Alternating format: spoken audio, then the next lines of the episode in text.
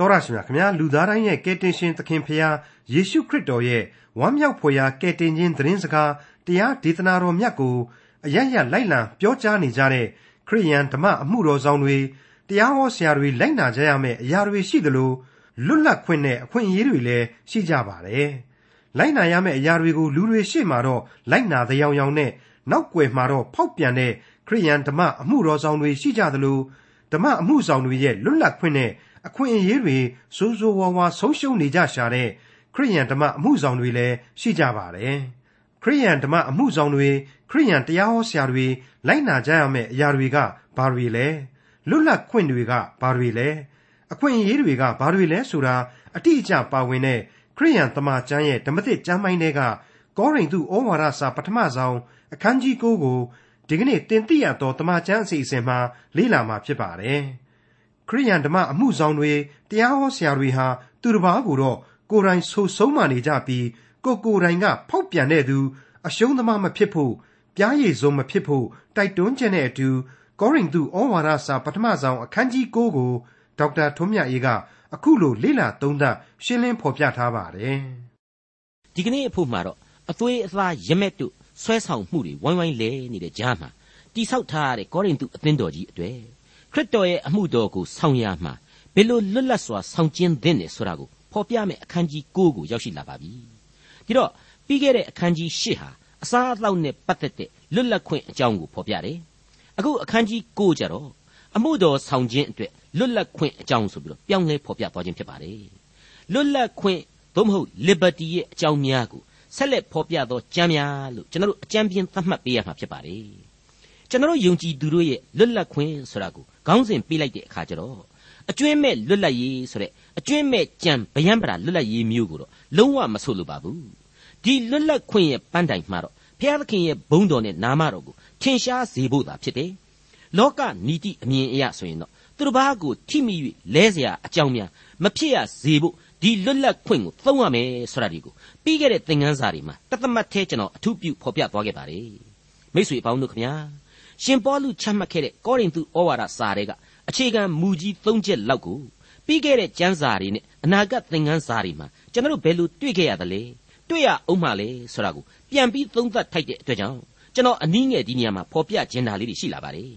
ပြီးခဲ့တဲ့အခန်းကြီး6အငယ်7မှာအခုလိုတွေ့ခဲ့ရပါတယ်ငါသည်အပြစ်မသင့်ပဲလျက်ခတ်သိမ်းသောအမှုအရာကိုပြုစေသည်မှန်စီတော့ခတ်သိမ်းသောအမှုအရာကိုပြုသင့်သည်မဟုတ် အပြစ်မသင့်ပဲလျက်ခတ်သိမ်းသောအရာကိုပြုနိုင်သည်မှန်စီတော့အဘယ်အမှုအရာ၌မျှငါသည်ကြွမခံဆိုတဲ့အချက်ဖြစ်ပါလေကျွန်တော်စမြုံပြန်ခြင်းနဲ့ပြန်လဲဖော်ပြခြင်းနဲ့အချက်တွေကပထမအချက်ဆိုပါတော့ဒုတိယသင်ခန်းစာဖြစ်တဲ့ဩဝါဒပေးခဲ့တဲ့ကျမ်းကတော့အခန်းကြီး၈ရဲ့အငယ်၈မှာပါဝင်ပါတယ်နားဆင်ကြည့်ကြပါအစားအသောက်အားဖြင့်မျက်နာရသည်မဟုတ်အစားကိုသုံးကာမျှဖြင့်မြတ်သည်မဟုတ်ရှောင်ကာမျှဖြင့်ရုပ်သည်မဟုတ်ဆိုတဲ့အချက်ပါနောက်တစ်ခုကတော့အခုမရောက်သေးတဲ့ကျမ်းပိုင်းက သင်ခန်းစာဖြစ်ပါတယ်ကောရိန္သုဩဝါဒစာပထမစာဆောင်အခန်းကြီး30အငယ်23မှာအခုလိုဆက်လက်ဖော်ပြသွားမှာဖြစ်ပါတယ်ငါသည်အပြစ်မသိမ့်မဲ့ခတ်သိမ်းသောအမှုအရာကိုပြုနိုင်ပြီမှန်စီတော့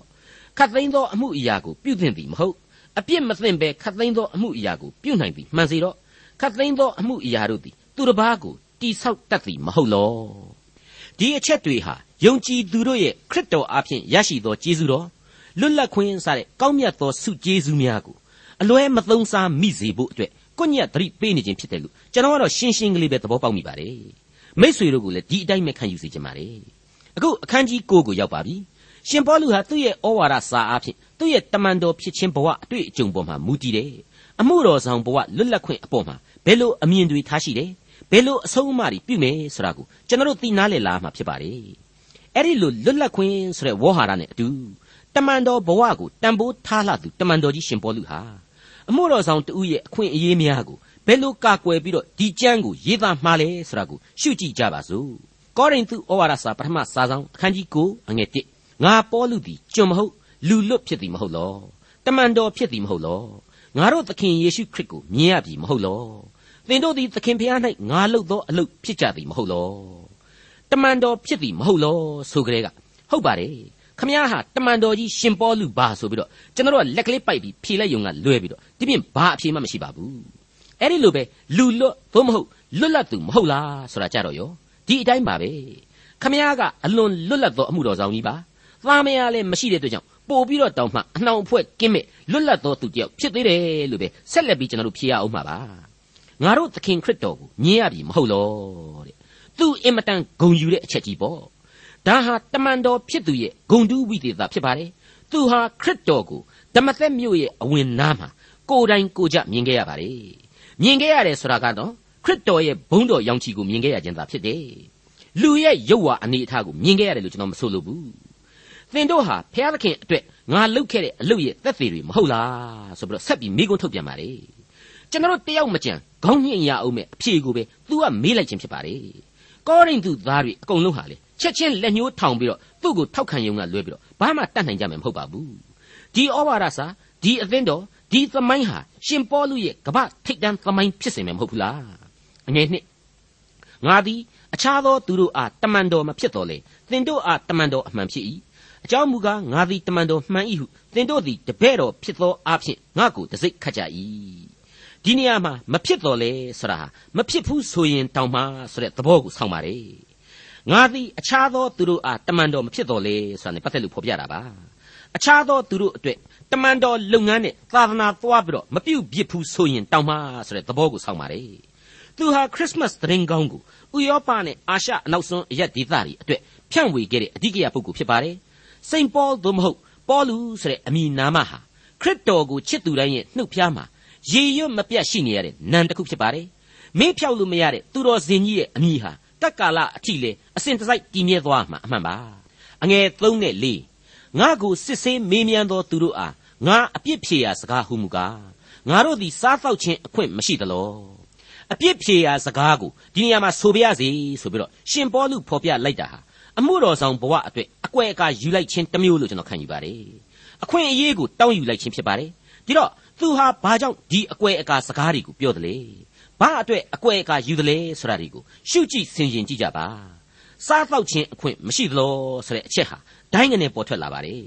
အထူးစဉ်းစားစရာမလိုတာကတော့တမန်တော်ကြီးဟာစားတော့ခြင်းအခွင့်နဲ့ပတ်သက်လို့ဘယ်သူမှမကန့်ကွက်နိုင်အောင်အခွင့်အရေးရှိပါတယ်ဒါပေမဲ့ဒီအခွင့်အရေးကိုသူဟာဘယ်လိုတန်ဖိုးထားတယ်ဆိုတာကိုအခန်းကြီး၈အငယ်73မှာတော့တွေ့ကြရပြီးသားဖြစ်ပါတယ်တစ်ခေါက်ကျွန်တော်ပြန်ဖတ်ပြပါမယ်နားဆင်ကြည့်ကြပါတို့ဖြစ်၍ငါ၏အစားအသောက်သည်ငါညီအကိုတို့ကိုမှားယွင်းစေလျင် ငါညီအကို၌မှားယွင်းเสียအကြောင်းမရှိစေခြင်းဟာအမဲသားကိုအစင်မပြတ်ငါရှောင်ပြီဆိုတဲ့အချက်ဖြစ်ပါတယ်သူ့မှာတနည်းအားဖြင့်လွတ်လပ်ခွင့်မရှိတယ်ဘုရားသခင်ပေးထားတဲ့လွတ်လပ်ခွင့်ပေါ့ဒါပေမဲ့ဒီလွတ်လပ်ခွင့်ကိုအများအကျိုးအတွက်နဲ့ပတ်သက်လာရင်သူဟာစေတနာစိတ်အပြည့်အဝနဲ့အခွင့်အရေးမယူခဲ့ဘူးဆိုတဲ့အချက်ပေါ်လွင်လာပါတယ်အလွန်အဆင့်မြင့်တဲ့ဖော်ပြချက်ဖြစ်ပါတယ်ကျေးဇူးတော်ကိုခံစားနားလည်ရသူယုံကြည်သူခရိယန်များအားလုံးတို့အတွက်ရှင်ပေါလုရဲ့အသက်တာဟာလွတ်လပ်ခြင်းနဲ့အတူမွန်မြတ်သောအမြင်နဲ့ခံယူချက်တို့ကို အစဉ်တစိုက်ရှင်တွဲဖော်ပြသွားခဲ့ပါတယ်ကောရိန္သုဩဝါဒစာပထမစာဆောင်အခန်းကြီး9အငယ်9ကေဖနှင့်သခင်ဖျားဤညီများမှစသောကျွင်းသောတမန်တော်များကဲ့သို့ငါတို့သည်ဒေသစာကြီးလှဲ့လေပြီးတွင်နှမဖြစ်သောမယားပါစီခြင်းဟာအခွင့်မရှိသလောခရစ်တော်ရဲ့မိခင်ကြီးမာရိနဲ့အမိခံဖခင်ယောသတ်တို့ကမွေးခဲ့တဲ့ညီတွေဟာလေအမှုတော်ကိုဆောင်နေကြပြီလို့ဒီမှာမြင်ရပါတယ်သခင်ဖျားဤညီများဆိုတာဟာမေတော်မာရိနဲ့ ခရစ်တော်ရဲ့အမိခံဖခင်ယောသတ်ကမွေးတဲ့မေရုဖအေခွဲတွေပေါ့ခရစ်တော်ရဲ့ဖခင်ကတော့ကောင်းကင်ဘုံရှင်အဖဖျားသခင်ကောင်းကင်ဘုံရှင်အဖဖျားသခင်တန့်ရှင်းသောဝိညာဉ်တော်အားဖြင့်တန့်ရှင်းသောလူသားအဖြစ်မွေးဖွားခြင်းခံခဲ့တဲ့ကယ်တင်ရှင်သခင်ခရစ်တော်အကြောင်းကိုကျွန်တော်တို့ဟာသေချာပြန်ပြီးစဉ်းစားလိုက်မယ်ဆိုရင်ကယ်တင်ရှင်သခင်ခရစ်တော်ဟာအပြစ်လုံးဝမရှိတဲ့ကဘာပေါ်မှာတူရီသောလူသားဖြစ်ပါတယ်အခုဆိုရင်ဒီမှာသခင်ဖျားဤညီများဆိုပြီးဖော်ပြထားတဲ့ အဲ့ဒီညီဝန်းခွဲလေးတွေဟာယာကုပ်နဲ့ယူဒာတို့ဖြစ်ကြပါတယ်သူတို့တွေဟာအိမ်တောင်ရှင်တွေဖြစ်ကြပါလိမ့်မယ်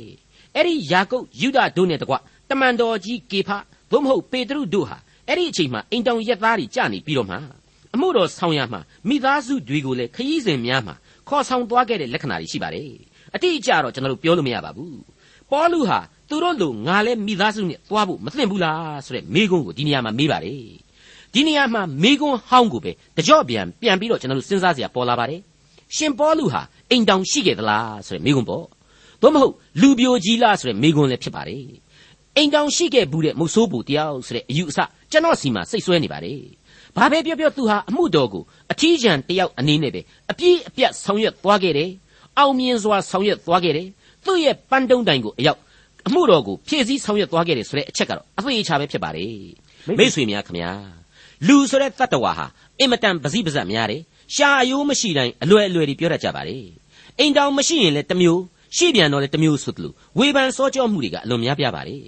တကယ်တကယ်တော့ဘုရားသခင်ကိုနံပါတ်1နေရာမှာထားတဲ့လူတစ်ယောက်အဖို့အိမ်တောင်ပြုတ်ပြုတ်မပြုတ်ပြုတ်ဘာမှမဆမ်းပါဘူးသူ့အမှုကိုဘုရားသခင်ကသာအဆုံးအဖြတ်ပေးမှာဖြစ်ပါတယ်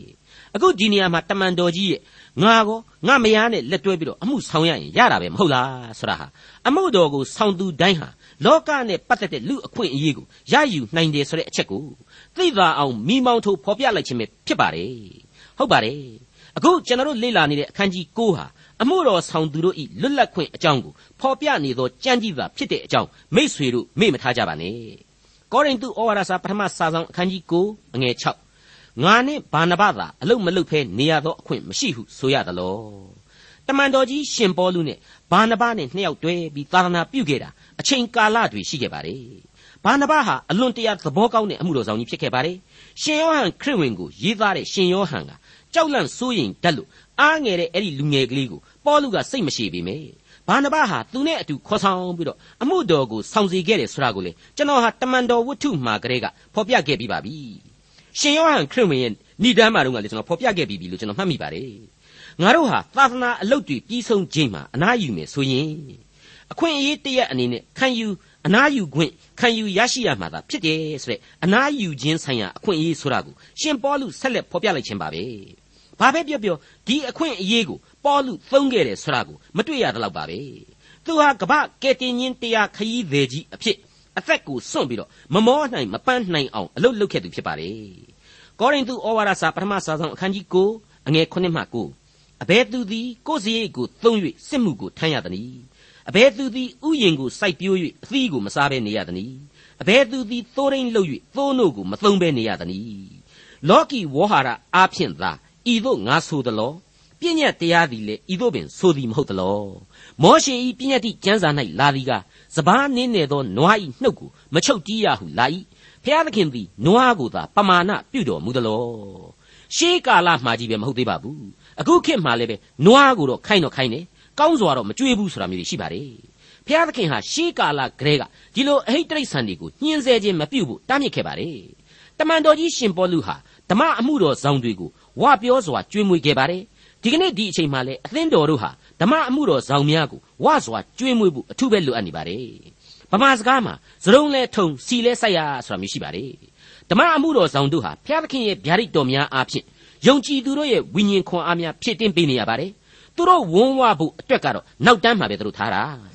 တပည့်တော်များဟာဒီတာဝန်ကိုယူပေးကြရမှာသာဖြစ်ပါတယ် ကိုကတာဝန်မယူနိုင်တဲ့အခါကျတော့ဓမ္မဆရာကိုယ်တိုင်ကငါဆင်ပြီးမျှရတာတို့ခြံဆိုင်စားရတာတို့ဝက်ပေါ်ပြီးရောင်းစားရတာတို့ဖြစ်လာပါတယ်ဒါဟာအမြင်မတော်ပါဘူးအမှန်ကတော့အဲ့ဒီသမာအာဇီဝကိုဝန်းကိုကိုကြောင်းရတာကိုပဲအတင်းအဖျင်းကလေးတွေနဲ့လည်းမလွတ်ဖဲအပြောခံရတော့လူသားဖြစ်တဲ့ဓမ္မဆရာတွေလည်းစိတ်ပြက်လက်ပြက်နဲ့ကလကာနောက်ဖက်ကိုတရိပ်ရိပ်ပျောက်ကွယ်သွားတာမျိုးတွေလည်းရှိတတ်ပါတယ်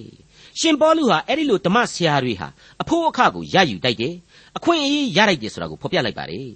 တကယ်တော့ဒါဟာတရားအသစ်မဟုတ်ပါဘူးရှေးကာလဝတ်ပြုရာကျမ်းမှာကလေးကယစ်ပရောဟိတ်မင်းကြီးတို့အတွက်ဘုရားသခင်ဟာဘယ်လိုအခွင့်အရေးတွေသတ်မှတ်ပေးခဲ့တယ်ဆိုတာကိုကျွန်တော်တို့တွေ့ရပြီးဖြစ်ပါတယ်သူတို့အတွက်အစာအသောက်အနေအထိုင်အဆင်ပြေဖို့အတွက်အမိန့်တော်တွေဟာဓမ္မဟောင်းကျမ်းတွေမှာအထင်အရှားရှိခဲ့ပြီးဖြစ်ပါတယ်ကောရိန္သုဩဝါဒစာပထမစာဆောင်အခန်းကြီး9အငယ်30မှ17 သို့မဟုတ်ငါတို့ကြောင့်သာဤသို့ပြည့်ညတ်တော်မူသလောလဲထွန်သောသူသည်မျော်လင့်လျက်ထွန်စီခြင်းဟာ၎င်းမျော်လင့်လျက်စပားနင်းနေသောသူသည်မျော်လင့်သည့်အတိုင်းရစေခြင်းဟာ၎င်းငါတို့ကြောင့်သာဤသို့ကျမ်းစာလာ၏ငါတို့သည်သင်တို့၌ဓမ္မမျိုးစေ့ကိုစိုက်ပြီးမှသင်တို့၏လောကီအသီးကိုသုံးဆောင်ဖြင့်ကျေးဇူးကြီးမည်လောဒါကတော့ပြီးခဲ့တဲ့ရှင်းဆိုချက်ကိုပဲဆက်လက်ပြီးတော့အတီးပြုတ်လိုက်ခြင်းလို့ကျွန်တော်ခံယူပါတယ်ဒါပေမဲ့တခုပို့ပြီးတော့ထင်ရှားလာစေတဲ့အချက်ကတော့ ကိုယ်လေကိုကိုထွန်ပြီးတော့ကိုယ်စပားကိုကိုမစားရတဲ့ဘဝမျိုးသဘောတရားအများကြီးပါဝင်တယ်လို့ကျွန်တော်ယူဆပါတယ်ဥပမာပေးရမယ်ဆိုရင်တော့ကြေးရွာအသင်းတော်ကလေးကိုကိုကပဲဥစည်းဥဆောင်ပြုပြုစုပြိုးထောင်ပေးလို့အသင်းတော်ကလေးဟာကြီးပွားတိုးတက်လာတယ်စီယုံညီညွတ်လာတယ်အဆောက်အဦကအစတင့်တယ်တပ်ပယ်လာတယ်ဒါပေမဲ့ရွာကယုံကြည်သူတွေဟာကို့ဆရာတော်တဲ့အဖွဲ့ချုပ်ကဆရာတွေကိုသာပို့ပြီးတော့စိတ်စေတနာတရားတရားကြီးမားနေတယ်ဆိုတာမျိုးဖြစ်တော့ရွာကဓမ္မဆရာတွေများမှာအလုတ်သာလုတ်ပေးရတယ် ဘဘာမှလောကရဲ့ဆိုင်ရာကျေးဇူးအကျိုးကျေးဇူးကလေးများသူတို့ခမရမှာမခံရရှာဘူးဆိုတဲ့သဘောကိုရှင်ပေါလုဖော်ပြလိုက်တာပါအဲ့ဒါဟာလေအတော်ကြီးမှန်ကန်တယ်လို့ကျွန်တော်ထင်ပါတယ်ဒါတွေဟာဒီကနေ့ဒီအချိန်မှာလည်းရှိနေသေးပဲလို့ကျွန်တော်တွေးပါတယ်ဗမာစကားမှာရွာလွန်ရွက်တိုက်တယ်လို့အမေကျော်ပြီးကြွေးတော်လွန်းတယ်ဆိုတဲ့သဘောမျိုးတွေနဲ့အများကြီးနီးကပ်တယ်လို့ကျွန်တော်ထင်ပါတယ်သာမန်အားဖြင့်ကတော့ဓမ္မဆရာဆိုတာမျိုးကလေပကာသနာအဆောင်အယောင်ကိုတော့မမက်ကြရှာပါဘူး ဖျားသခင်ကသူတို့ကိုအလိုတော်အတိုင်းကြွေးမွေးလိမ့်မယ်ဆိုတာကိုလေသူတို့ယုံကြည်မှုရှိပြီးသားပါပဲဒါပေမဲ့လူစားတိပဂရိစိတ်ကလေးကတော့ဘသူစီမှမဆိုရှိနိုင်တာမို့ကို့ဆရာကို့အမှုတော်ဆောင်ကိုကိုကြွေးရမယ်ဆိုတဲ့အသည့်ယုံကြည်သူတွေဟာမွေးရမယ်ကိုမမကြွေးရင်ဘယ်တခြားလူကလာကြွေးမလို့ဖျားသခင်ကရောကို့အပေါ်မှာကို့ဆရာကိုခန့်ထားပေးတာဟာသူ့ကိုယ်စားတန်တမန်တပါခန့်ထားခြင်းပဲဆိုတာမျိုးတွေးလို့ရပါတယ်ကျွန်တော်ယင်ထဲမှာရှိတာကိုပြောရရင်တော့ဆင်းရဲတဲ့ကြေးလက် အားချိချိနေနေတဲ့အသင်းတော်မှာအနာခံပြီးလုတ်ကန်ရတဲ့ဥဆောင်ရသူဆရာတော်တွေအတွက်ဆိုရင်အဖွဲ့အစည်းကြီးတွေကတာဝန်ယူပေးရပါမယ်အဲ့ဒါဟာခေတ်စနစ်တို့ပြောင်းလဲလာတာနဲ့အမျှအဖွဲ့အစည်းကြီးများရဲ့မူဝါဒတွေကိုပြင်သင့်တာတွေပြင်ရမယ်ဆိုတဲ့အခြေအနေကိုလည်းရောက်နေပြီလို့ကျွန်တော်ကတော့ရှင်းရှင်းပဲပြက်ပြက်သားသားပဲမြင်မိပါတယ်ဒါဟာတစ်ဖက်ကတွေးကြည့်ရင်ဘုရားသခင်ရဲ့အလိုတော်ဆိုတာကိုလည်းပြောကြလူအဖွဲ့အစည်းနဲ့ပတ်သက်လို့လေအခုဩဝါဒစာကနှုတ်ကပတ်တော်များအတိုင်းကျင့်ဆောင်လိုက်နာကြ လူအဖွဲ့အစည်းကိုလူသားဆန်ဆန်ပြုစုပေးကြလို့ကျွန်တော်ကပွင့်ပွင့်လင်းလင်းပဲဒီဩဝါဒစာကိုအတိတ်ပဲပြန်ဆိုမိပါတယ်ကောရိန္သုဩဝါဒစာပထမစာဆောင်အခန်းကြီး9အငယ်7အခြားသောသူတို့သည်တင်တို့ထံမှထိုအခွင့်ကိုရလျင်ငါတို့သည်သာ၍ရလိုက်သည်မဟုတ်လောသို့တော်လည်းထိုအခွင့်ကိုငါတို့သည်မသုံးဘဲခရစ်တော်၏ဧဝံဂေလိတရားကိုစီတာခြင်းအကြောင်းမရှိစေခြင်းဟာအရာရာ၌သိခံကြ၏အမှုတော်ဆောင်ဆိုပြီးတော့ပဲကြီးလော်ကလေးနဲ့လည်းမပြီးပါဘူး ထညက်ကလေးကြံတကာလေးနဲ့လည်းမလုံလောက်ပါဘူး balance diet လို့ခေါ်တဲ့ညီမျှတဲ့အာဟာရလိုအပ်ပါတယ်ကျန်းမာရေးအခြေအနေကောင်းမှအမှုဆောင်နိုင်မှာမဟုတ်ဘူးလားအမှုတော်ကိုဆောင်နိုင်မှာမဟုတ်ဘူးလားအဲ့ဒီလိုပြောလို့ရှင်ပေါလုဟာစကားခေါ်နေသလားဆိုပြီးတော့မေးကြမယ်ထင်ပါတယ်မခေါ်ရှာပါဘူးသူဟာသူ့ဝန်းကိုသူကြောင်းပြီးတော့အမှုတော်ကိုဆောင်ခဲ့တာကိုရเสียရှိတဲ့အဖို့အခကလေးတွေအတွက်သူများကိုပေးဖို့ပို့ပြီးတော့စိတ်ထက်ထက်တန်ခဲ့တယ်ဆိုတာတွေကိုကျွန်တော်ထင်ထင်ရှားရှားကြီးတွေ့ခဲ့ရပြီဖြစ်ပါတယ်ကျွန်တော်အထက်ကလည်းဖော်ပြပြီးခဲ့ပြီလေ ဓမ္မအမှုတော်ဆောင်တွေကိုသူဝေငှပေးတယ်ဆင်းရဲတဲ့တပည့်တပန်းတွေကိုလည်းနိုင်ငံခြားကရလာတဲ့ရွှေတို့ရွှေစားတို့ငွေတို့ကိုဝေမျှပေးခဲ့တယ်ဆိုတာတမန်တော်ဝတ္ထုထဲမှာထင်ထင်ရှားရှားကြီးကျွန်တော်တို့တွေ့ခဲ့ရပြီးပြီဒီကနေ့ဒီအချိန်မှာဆိုရင်အမှုတော်ကိုဗန်းပြပြီးတော့အသက်မွေးဝမ်းကြောင်းနေကြတယ်သာသနာကိုလှုပ်ရှားနေကြတယ်ဆိုတာမျိုးတွေအယံပြောနေကြတာတွေရှိသလိုပြောသင့်ပြောလိုက်လို့အပြောခံရတာတွေလည်းနေရာတကာမှာရှိနေပါလေအမှန်တော့ဘုရားသခင်ရှေ့တော်မှာဘာမှဖုံးလို့ဖြစ်လို့မရပါဘူးမိษွေတော်တတ်ရှင်အပေါင်းတို့ခမညာ လူတဦးချင်းရဲ့သရေစိတ်အခြေခံစိတ်ဓာတ်တွေဟာအပြစ်သမိုင်းနဲ့ရှင်ပြီးနေတယ်အပြစ်နဲ့ဘယ်သူမှမကင်းဘူးလို့ကျွန်တော်ဖော်ပြခဲ့ပြီးပါပြီ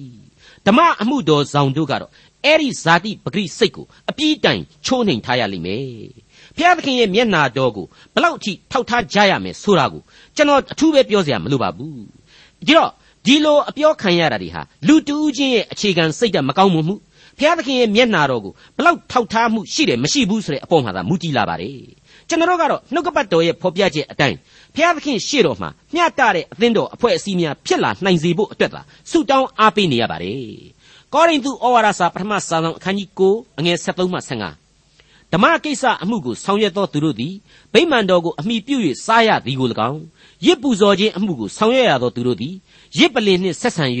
စားရသည်ကို၎င်းသင်တို့မသိကြသလော ထိုနည်းတူဧဝံဂေလိတရားကိုဟောသောသူတို့သည်ဧဝံဂေလိတရားကိုအမိပြု၍အသက်မွေးရမည်အကြောင်းသခင်ဖျား၏ပြည့်ညတ်တော်မူချက်ရှိ၏သို့တော်လည်းထိုအခွင့်ကိုငါသည်အရှင်းမသုံးသင်တို့သည်ငါအားထိုသို့ပြုစေခြင်းဟာဤစကားကိုငါရေးသည်မဟုတ်အကြောင်းမူကားငါဝါကြွားခြင်းအခွင့်ကိုသူတစ်ပါးဖြည့်ဆည်းသည်တဲ့ငါသေတော်သာ၍ကောင်း၏ဘာမှညင်းနေစရာမလိုတဲ့အမှုတော်ဆောင်တို့ရဲ့ဘုရားသခင်သတ်မှတ်သောအခွင့်အရေးအကြောင်းကို ပေါလုထပ်ပြီးဖော်ပြပါတယ်ဒါတွေကိုငါတို့ရေးသားလိုက်တာဟာဒီအခွင့်အရေးတွေကိုငါတို့ကိုပေးဖို့မဆိုလိုဘူးတဲ့ကျွန်တော်ဆောင်းကပြောခဲ့တဲ့အတိုင်းပဲနော်စကားခေါ်တာမဟုတ်ဘူးရေလာမြောင်းပြီးလုပ်တာမဟုတ်ဘူးယုံကြည်သူတို့နားလေသိကျွမ်းထားဖို့သာဖြစ်တယ်တဲ့ဟုတ်ပါတယ်ဒီအသည့်တရားနဲ့ပဲဘုရားသခင်ရဲ့အမှုတော်ကိုအသင်းတော်ဟာနှစ်ပေါင်း2000နီးပါးဆောင်ရွက်ခဲ့ပြီးပါပြီထူးခြားတာကတော့အဆက်ဆက်သောသမိုင်းတဲကသာသနာခေါင်းဆောင်အများစုတို့ဟာဖြင့် ကိုကြိုးကိုစွန့်ပြီးတော့ဆောင်ရွက်ခဲ့ကြတာသာများပါတယ်အမှုတော်ကိုဆောင်ပြီးတော့တထေးကြီးတွေတန်းကျွယ်ပုဂ္ဂိုလ်ကြီးတွေဖြစ်ကုန်တာများကျွန်တော်တော့မကြားဘူးပါဘူးအ ਨੇ စုလက်တဆုပ်စာလောက်နာမည်ပြက်သူတွေကိုမကြည့်ပါနဲ့သူတို့အကြောင်းဟာဖျားသခင်နဲ့သာသက်ဆိုင်လိမ့်မယ်လို့ကျွန်တော်မှတ်ချက်ပေးခြင်းပါတယ်အဲ့ဒီလိုဘုရားသခင်ရဲ့အမှုတော်ဆောင်ကြီးတွေနဲ့ပတ်သက်ပြီးတော့အတင်းအဖျင်းတွေကိုနင့်ကန်ပြောတာဟာလေအပြစ်မြင်ခြင်းဟာလေဘုရားသခင်မနှစ်သက်နိုင်ဘူးဆိုတာရှင်းနေပါလေ ဒါကိုလည်းယောမဩဝါဒစာအပအဝင်ဓမ္မသမိုင်းစာမျက်နှာတွေမှာရှင်းလင်းစွာဖွင့်ဆိုခဲ့ပြီးဖြစ်ပါတယ်မိษွေအပေါင်းတို့ခမညာကျွန်တော်အကြိမ်ကြိမ်ပြောခဲ့တယ်လို့လူသမိုင်းဆိုတာဟာအပြစ်သမိုင်းနဲ့စစ်သမိုင်းတက်တက်တာဖြစ်ပါတယ်ဒါကြောင့်မို့လို့လေလူတွေရဲ့မျက်နှာတွေကိုစိတ်စိတ်ကြည့်ပြီးတော့အသက်ရှင်ဖို့တဲ့ဖျားသခင်ရဲ့မျက်နှာတော်ကိုသာရှာဖွေကြပါကားတိုင်းလမ်းကိုသာမျက်မှောက်ပြုကြပါကယ်တင်ရှင်သခင်ခရစ်တော်နှင့်သာလက်တွဲလမ်းလျှောက်ကြဖို့လိုတယ်လို့ကျွန်တော်ဒီနေရာမှာတိုက်တွန်းအားပေးလိုက်ပါရစေအငယ်16 ငါသည်ဧဝံဂေလိတရားကိုဟောယုံပြုလျင်ဝါကြွားခြင်းအကြောင်းမရှိသေးအဘယ်ကြောင့်နည်းဟုမူကားမဟောဘဲမနေနိုင်မဟောဘဲနေလျင်အမင်္ဂလာရှိ၏ဟုတ်ပါတယ်ခရစ်တော်၌ကျွန်အဖြစ်သဘောထားတဲ့လူဟာခရစ်တော်မှားခဲ့တဲ့စကားတွေကိုဘယ်လို့မှပယ်ရှောင်လို့မရနိုင်ပါဘူးရိုးတွင်ချင်းစီထဲမှာဘင်းလျင်သူဟာအမှုတော်ကိုဆောင်ဖို့ခံစားချက်ဟာရှိနေပါပြီခရစ်တော်မိန့်မှာခဲ့တယ်မဟုတ်ဘူးလား ယေရုရှလင်မြို့မှစပြီးယူဒပြည်ရှမာရိပြည်နဲ့မြေကြီးစွန်းတိုင်အောင်ငါ့သက်သေဖြစ်ရမည်တဲ့တမန်တော်ကြီးရှင်ပေါလုရဲ့အသက်တာမှာလေတန်ရှင်းသောဝိညာဉ်တော်ဟာဥဆောင်လမ်းပြနေပြီဖြစ်လို့ဒီလမ်းကြောင်းကိုသူဟာဘယ်လို့မှရှောင်နိုင်ပွဲမရှိပါဘူး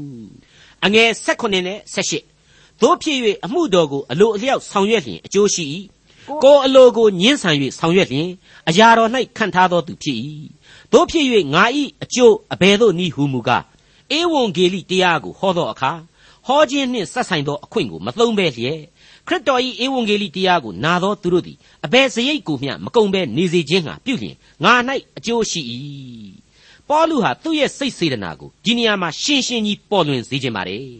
ကြွားဝါတာမဟုတ်ပါဘူးနော်သူဟာသူ့အလိုအလျောက်ဆောင်ရွက်ခြင်းအတွက်အကျိုးကျေးဇူးကိုခံရမှာဖြစ်တယ်လို့ကိုယ်အလိုကိုညှင်းဆန်တဲ့အတွက်လေဘုရားသခင်ရဲ့ကျေးဇူးတော်ကိုမုတ်ချမသွေခံစားရမှာအသေးအချာဖြစ်ပါတယ်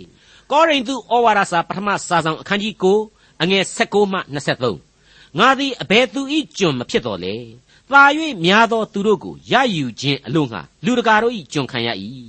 ယုဒလူတို့ကိုရခြင်းအလို့ငှာယုဒလူတို့၌ယုဒလူကဲ့သို့ဖြစ်၏ပြည့်ညတ်တရားကိုကိုယ်တိုင်မစည်းကပ်တော်လေပြည့်ညတ်တရားကိုစည်းကပ်တော်သူတို့အားရယူခြင်းအလို့ငှာပြည့်ညတ်တရားကိုစည်းကပ်တော်သူတို့၏ပြည့်ညတ်တရားကိုကျင့်တော်သူကဲ့သို့ဖြစ်၏ဖျားသခင်ရှေ့တော်၌တရားမဲ့မနေ ခရစ်တော်၏တရားကိုကျင့်တော်သူဖြစ်တော်လေပြည့်ညတ်တရားမဲ့တော်သူတို့ကိုရခြင်းအလို့ငှာပြည့်ညတ်တရားမဲ့တော်သူတို့၌ပြည့်ညတ်တရားမဲ့တော်သူကဲ့သို့ဖြစ်၏အာနေသောသူတို့၌အာနေသောသူကဲ့သို့ဖြစ်၏အချို့သောသူတို့ကိုတစုံတစ်ခုသောအမှုအရာအဖြစ်ကဲ့တင်ခြင်းအလို့ငါခတ်သိမ်းသောသူတို့၌ခတ်သိမ်းသောအရာဖြစ်၏သင်တို့နှင့်အတူဧဝံဂေလိတရားကိုဆက်ဆံခြင်းအလို့ငါဧဝံဂေလိတရားကြောင့်ထို့သောငါပြုလေရှိ၏ ဝမ်းမြောက်ဖွယ်အလွန်ကောင်းတဲ့ကဲ့တင်ခြင်းတရားဆိုတာဟာလူသားတွေရဲ့အသက်လမ်းကိုမြင်ရဖို့အရေးကိစ္စဒီနမကကြီးမားတဲ့လောကတာဝန်ဆိုတာဘယ်မှာရှိနိုင်မှာတော့ဒါကြောင့်လဲနှုတ်ကပတ်တော်ဟာဒီကဲ့တင်ခြင်းရဲ့အရှင်သခင်ခရစ်တော်ရဲ့မွေးဖွားခြင်းအသေးခံတော်မူခြင်းနဲ့ရှင်ပြန်ထမြောက်ခြင်းဆိုတာကိုပဲဗဟိုပြုထားရတယ်လေဒီလောက်အရေးကြီးတဲ့တရားတော်ကိုလူလောကတစ်ခုလုံးသိဖို့အတွက်ခရစ်တော်ရဲ့တရားကိုကျင့်တယ်တဲ့ရှင်ပေါလုဖော်ပြလိုက်တယ်ဟုတ်တယ် ခရစ်တော်ရဲ့တရားကိုကျင့်တဲ့အတွက်ကြောင့်လေခရစ်တော်ရဲ့အမိန့်ကိုသူဟာနာခံခဲ့တယ်ခရစ်တော်ရဲ့ကျွန်ဖြစ်ခဲ့တယ်ခရစ်တော်ရဲ့ကယ်တင်ခြင်းအမှုတော်ကိုဆောင်ခဲ့တယ်ခံမှန်းတွက်တွက်ဆချက်များအရာသူလျှောက်လှမ်းခဲ့တဲ့ခရီးဟာတရဝင်းကြီးပဲမိုင်12000လို့ဆိုတယ်ရှင်းရှင်းပြောရလို့ရှိရင်နှုတ်ကပတ်တော်မှာဖော်ပြခြင်းမပြုတဲ့မှတ်တမ်းတွေရှိသေးတယ်ကျွန်တော်ရဲ့စိတ်ထဲမှာတော့အ ਨੇ ဆုံးအဲ့ဒီ12000ရဲ့နှစ်ဆ2400 3000လောက်အထိရှိမယ်လို့ကျွန်တော်တွက်တယ်ဒီတော့တ မန်တော်ကြီးရှင်ပေါလုဟာဒီခရီးတွေကိုဘာကြောင့်သွားတာလဲလူတွေရဲ့ကယ်တင်ခြင်းတရားအတွက်ပဲမဟုတ်ဘူးလားရောက်လေရအရက်မှာလူသားတွေကိုသူဟာမေတ္တာထားနိုင်ရတယ်သူမကြိုက်တဲ့ဟာတွေရှိကောင်းရှိမယ်ဒါပေမဲ့သူဟာဒီလူတွေနဲ့လိုက်လျောညီထွေရှိအောင်နေခဲ့ရလိမ့်မယ်သူဟာပြီးတော့မှဖြောင်းပြပြီးတော့အမှုတော်ကိုဆောင်ခဲ့ခြင်းဖြစ်လိမ့်မယ်လူသားတွေကိုနှုတ်ကပတ်တော်နဲ့ပတ်သက်ပြီးတော့သူဟာကယ်တင်ခြင်းအလင်းတရားကိုလက်တွေ့သက်သေပြခဲ့လိမ့်မယ်အနစ်နာတွေခံခဲ့လိမ့်မယ်ဒါဟာ သူအခုဖော်ပြလိုက်တဲ့လူသားအလုံးရဲ့ကျွန်ဖြစ်ခြင်းသဘောတဘာဝကိုကျွန်တော်တို့ကောင်းကောင်းကြီးနားလည်မြင်တွေ့ရတဲ့အချက်ပါပဲအငယ်24နဲ့25မြေတလင်း၌ပြန်၍ပြေးကြသောသူအပေါင်းတို့သည်ပြန်၍ပြေးကြတော်လေတယောက်တည်းသာလျှင်ဆုကိုရသည်ဟုသင်တို့မသိကြသလောဆုကိုရမည်အကြောင်းပြေးကြလော့ပွဲ၌ပြန်၍အချင်းချင်းတိုက်သောသူမည်သည်ကအရာရာ၌တက်မဲ့ခြင်းကိုချုပ်တီးတတ်၏ထိုသူတို့သည်ညှိုးနွမ်းပျက်စီးတတ်သောပန်းဥယျစ်ကိုရခြင်းအလိုငါပြုကြ၏ ငါတို့မူကားမညှိုးမနှွမ်းမပျက်စီးနိုင်သောပန်းဥယျစ်ကိုရခြင်းအလို့ငါပြုကြ၏လောကရဲ့ဇာတိပဂရိအားပြိုင်မှုတွေရဲ့ဏိဂုံးကတော့ကြားရတဲ့အတိုင်းပဲစုရစရာရှိရင်လေတယောက်တည်းပဲရတယ်တဲ့